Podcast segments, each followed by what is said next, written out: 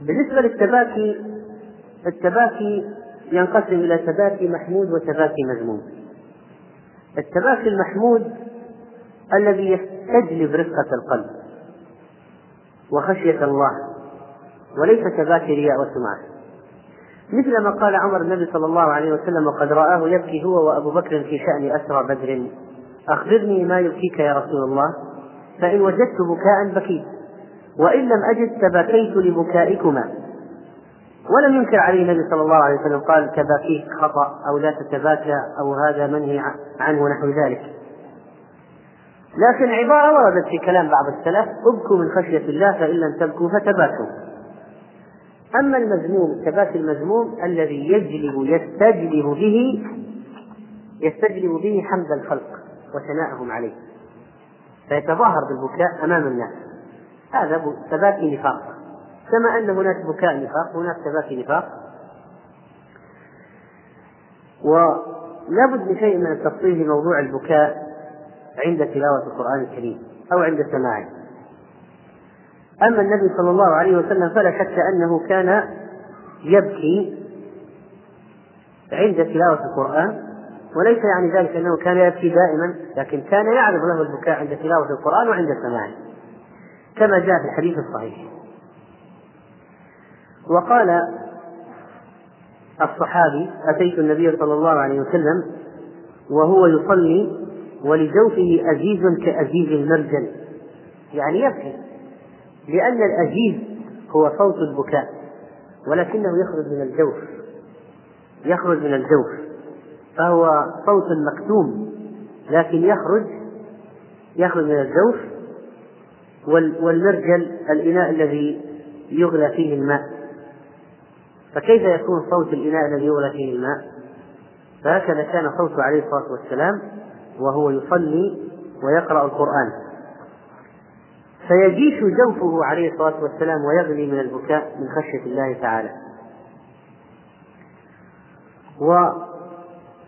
والصحابة رضوان الله عليهم ثبت كذلك عنهم أنهم كانوا يبكون عند قراءة القرآن الكريم. ومعلوم قصة أبي بكر في مرض النبي عليه الصلاة والسلام مرض وفاته. قالت عائشة إنه رجل إنه رجل رقيق. إذا قرأ غلبه البكاء. وفي رواية إن أبا بكر رجل أسيف إذا قام مقامك لم يستطع أن يصلي بالناس. لم يستطع أن يصلي بالناس. وكذلك كان في مكة لما كان يصلي بثناء داره ويجتمع إليه نساء المشركين وأبناؤهم وكان رجلا بكاء لا يملك دمعه رضي الله عنه. وعمر بن الخطاب سمع نشيده من وراء الصفوف. لما قرأ في سورة يوسف إنما أشكو بثي وحزني إلى الله. حتى سالت دموعه على ترقوته. وكذلك فإنه بكى مرة ببيض راهب. ناداه يا راهب فأشرف فجعل عمر ينظر إليه ويبكي فقيل له يا أمير المؤمنين ما يبكيك من هذا؟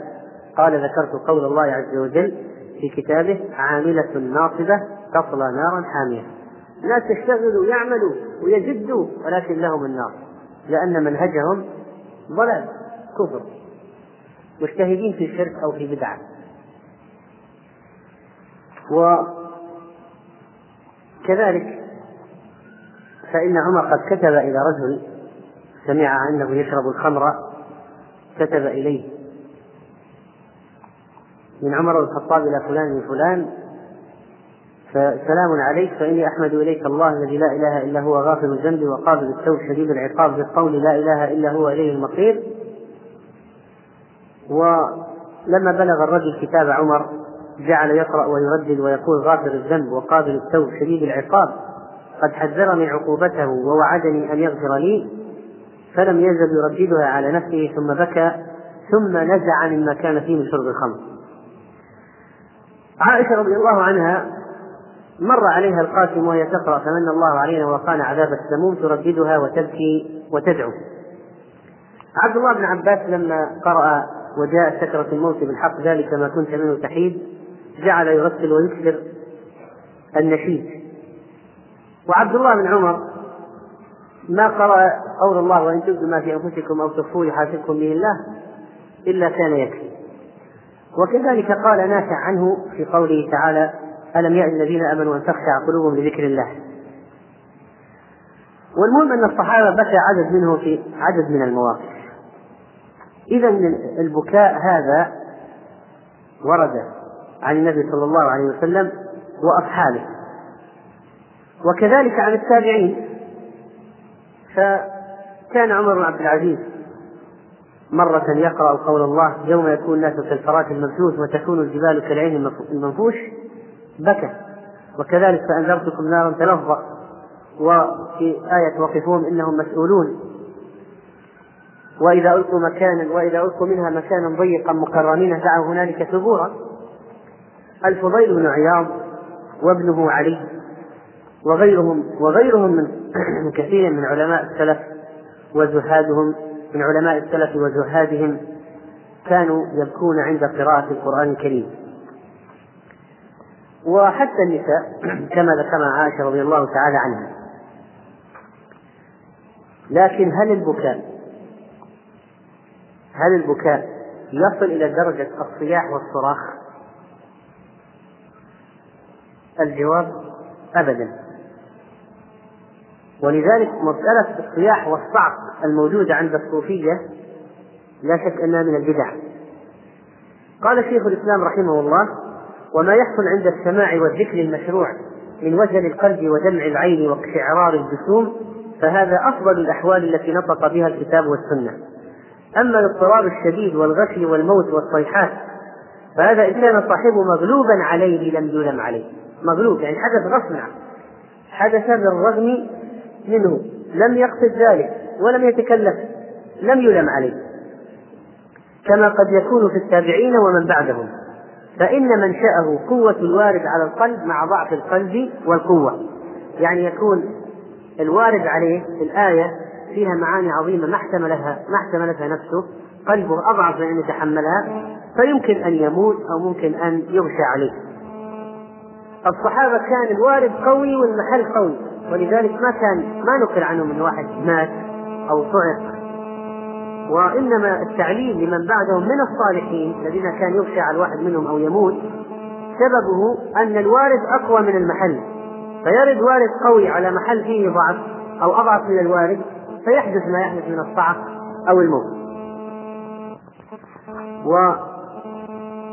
وسئل الشيخ عبد العزيز بن باز نفع الله بعلمه عن ظاهرة ارتفاع الأصوات في البكاء. فأجاب لقد نصحت كثيرا من اتصل بي بالحذر من هذا الشيء وأنه لا ينبغي لأن هذا يؤذي الناس ويشق عليهم ويشوش على المصلين وعلى القارئ وبالفعل في بعض المساجد في رمضان يكون الوضع مزعج جدا حيث أن بعض الناس لا يستطيع أن يفهم قراءة القرآن يفهم كلام الإمام ولا يسمع صوته من زعيق بعض الناس. من زعيق وصياح بعض الناس وهذا ليس من الخشوع في شيء الصياح والزعيق. ولا هو طريقة النبي صلى الله عليه وسلم ولا الصحابة. كان بكاء عليه الصلاة والسلام بكاء مكتوما ما كان صياحا وزعيقا. قال فالذي ينبغي للمؤمن أن يحرص على أن لا يسمع صوته بالبكاء وليحذر من الرياء فإن الشيطان قد يجره إلى الرياء. فينبغي له أن لا يؤذي أحدا بصوته ولا يشوش عليهم. ومعلوم أن بعض الناس ليس ذلك باختياره بل يغلب عليه من غير قصد.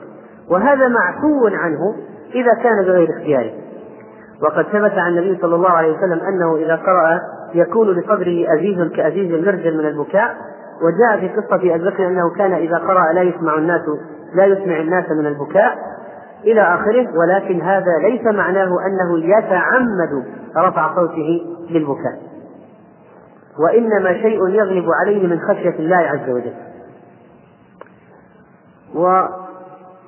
وكذلك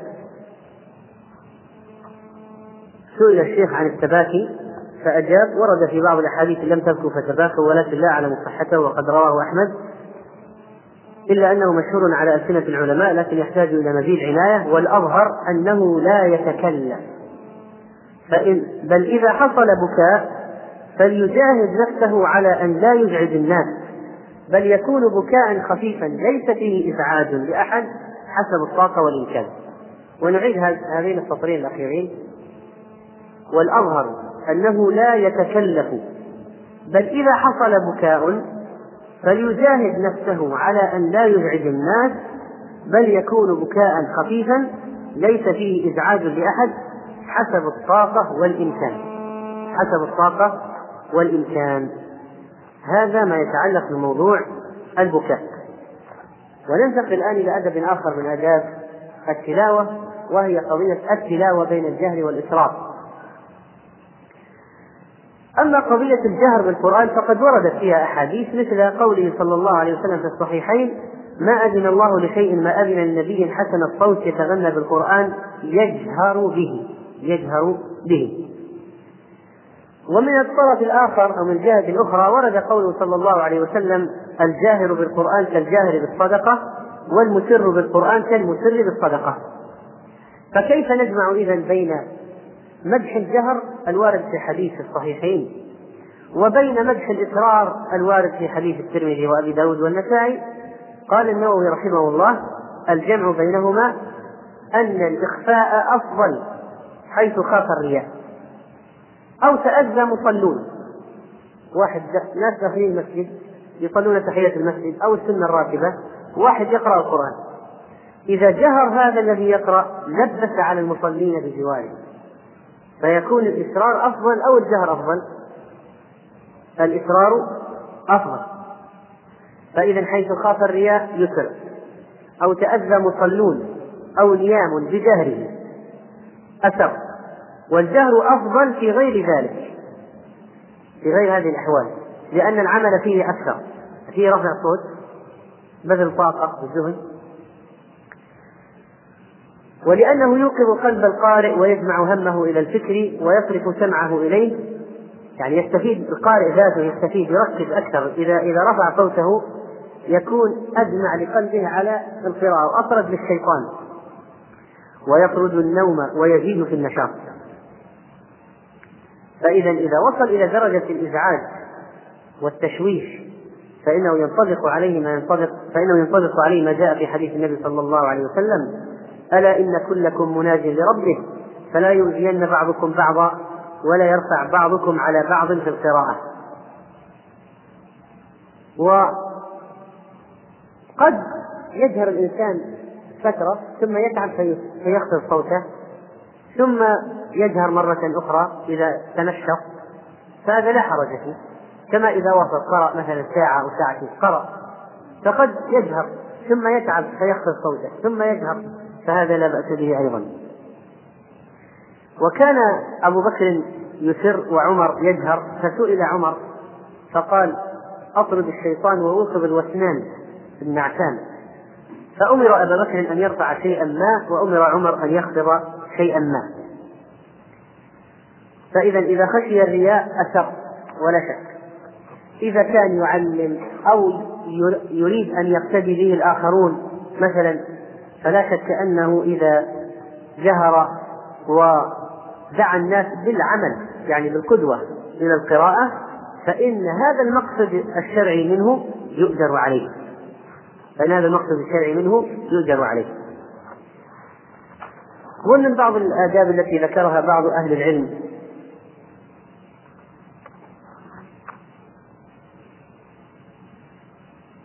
أيضا مسألة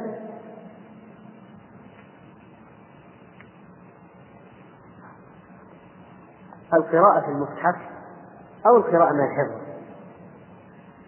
أيهما أفضل للتالي أن يقرأ من المصحف أو يقرأ من حفظه؟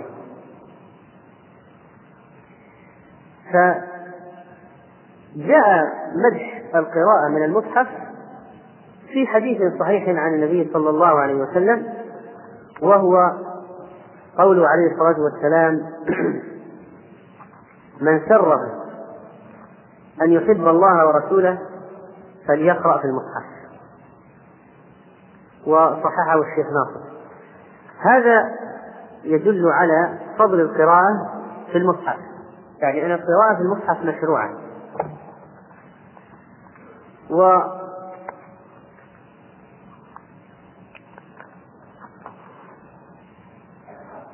قال بعضهم في الترجيح هل القراءة المصحف أفضل أو على ظهر قلب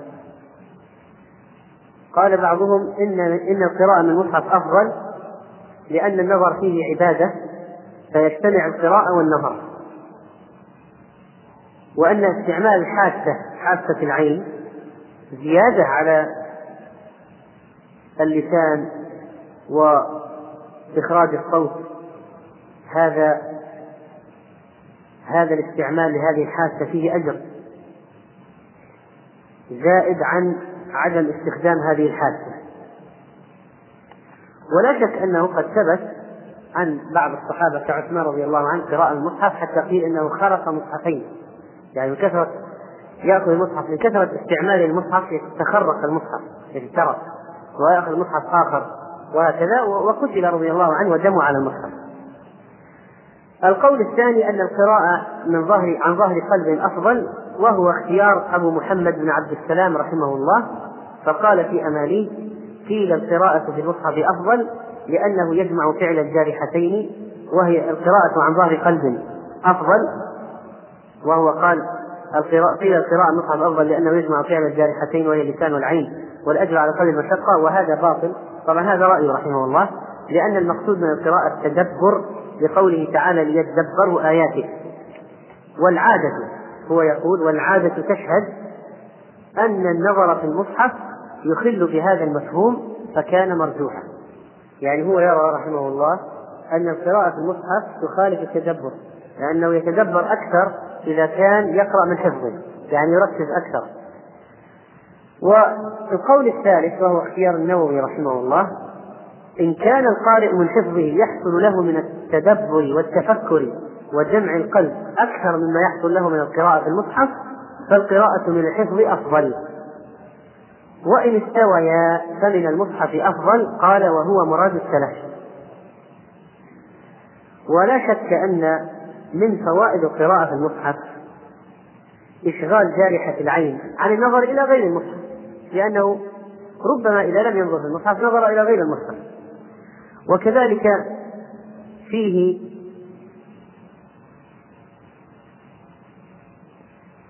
قالوا أن فيه الداعي إلى الوضوء لمس المصحف بخلاف إذا قرأ من حفظه فإنه لا يحتاج أصلا إلى المصحف حتى يمسه. وكذلك قالوا إنه آمن من الغلط والتحريف لأنه إذا قرأ من حفظه يمكن يغلط يمكن في آية حفظها خطأ في شيء نسيه.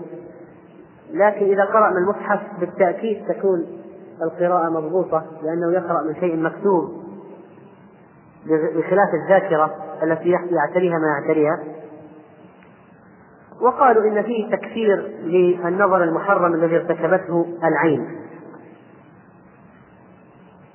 وعلى أي حال المسألة قد تختلف باختلاف الأحوال والأشخاص.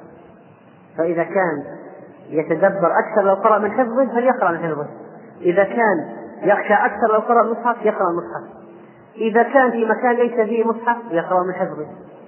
إذا كان في مسجد وعنده مصحف قرأ من المصحف. إذا المسألة في هذا واسعة إن شاء الله وهذا طرف من أقوال أهل العلم في هذه المسألة.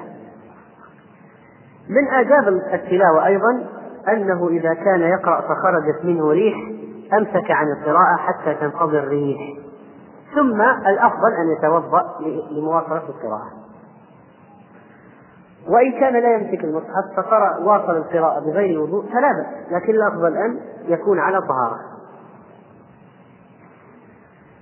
وكذلك لو عرض له تثاؤب فإنه يمسك عن القراءة لأجل التثاؤب حتى لا يتغير الصوت وتخرج الكلمات غير الكلمات كلمات القرآن.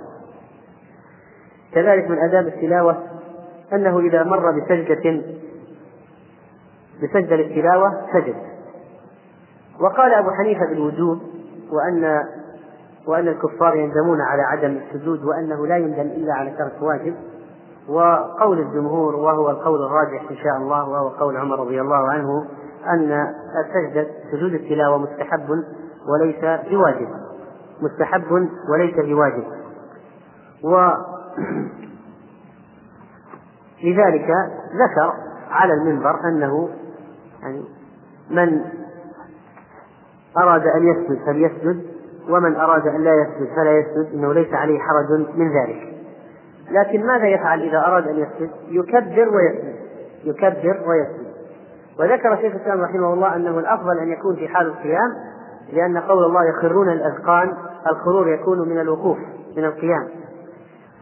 وإذا سجد ماذا يقول في سجوده؟ يقول سبحان ربي الأعلى كما يقول في الصلاة قياسا على الصلاة وورد أيضا دعاء صحيح ثابت في الترمذي وابن خزيمة أن أن رجلا قال يا رسول الله إني رأيت إني رأيت الليلة أصلي خلف شجرة فقرأت فقرأت السجدة فسجدت الشجرة بسجودي فسمعت هواية تقول اللهم اكتب لي بها أجرا وحط وضع عني بها وزرا واجعلها لي عندك ذكرا وتقبلها مني كما تقبلتها من عبدك داود. فقرأ النبي صلى الله عليه وسلم سجدة بعد ذلك ثم سجد فقال قال ابن عباس فسمعته يقول مثل ما أخبره الرجل عن قول الشجرة. فإذا لو قال في سجده اللهم اكتب لي بها أجرا وحط عني بها وزرا واجعلها واجعلها عندك ذكرا أو ارفعني بها درجة كما جاء في رواية أخرى. وتقبلها مني كما تقبلت من عبدك داود عليه السلام كان ذلك حسنا هل يشترط الطهارة لسجود التلاوة؟ هذه المسائل التي اختلف فيها أهل العلم الذين قالوا أنها تقاس على الصلاة اشترطوا الطهارة وستر العورة و... واستقبال القبلة بطبيعة الحال والمرأة طبعا تتحجب والذين قالوا إنه لا يقاس عليه لم يشترطوا ذلك فالأحوط أن الإنسان يكون على طهارة ويستقبل القبلة ويكون ساتر العورة ونحو ذلك من الشروط ويسجد هل إذا رفع يكبر أو لا؟ إذا كان في الصلاة يكبر لأن الحديث كان يكبر عند كل خفض ورفع فعموم الحديث يقتضي أنه إذا سجد في الصلاة سجود التلاوة يكبر عند السجود ويكبر عند الرفع من سجدة التلاوة. طيب في خارج الصلاة هل يكبر عندما يرفع من سجود التلاوة أو لا يكبر؟ وهل يتشهد ويسلم أو ليس فيها تشهد ولا تسليم من يستعد يبحث المسألة؟ بسيطة يعني موجودة في كتب كثيرة. طيب واحد آخر طيب. والعلماء قد أحصوا السجدات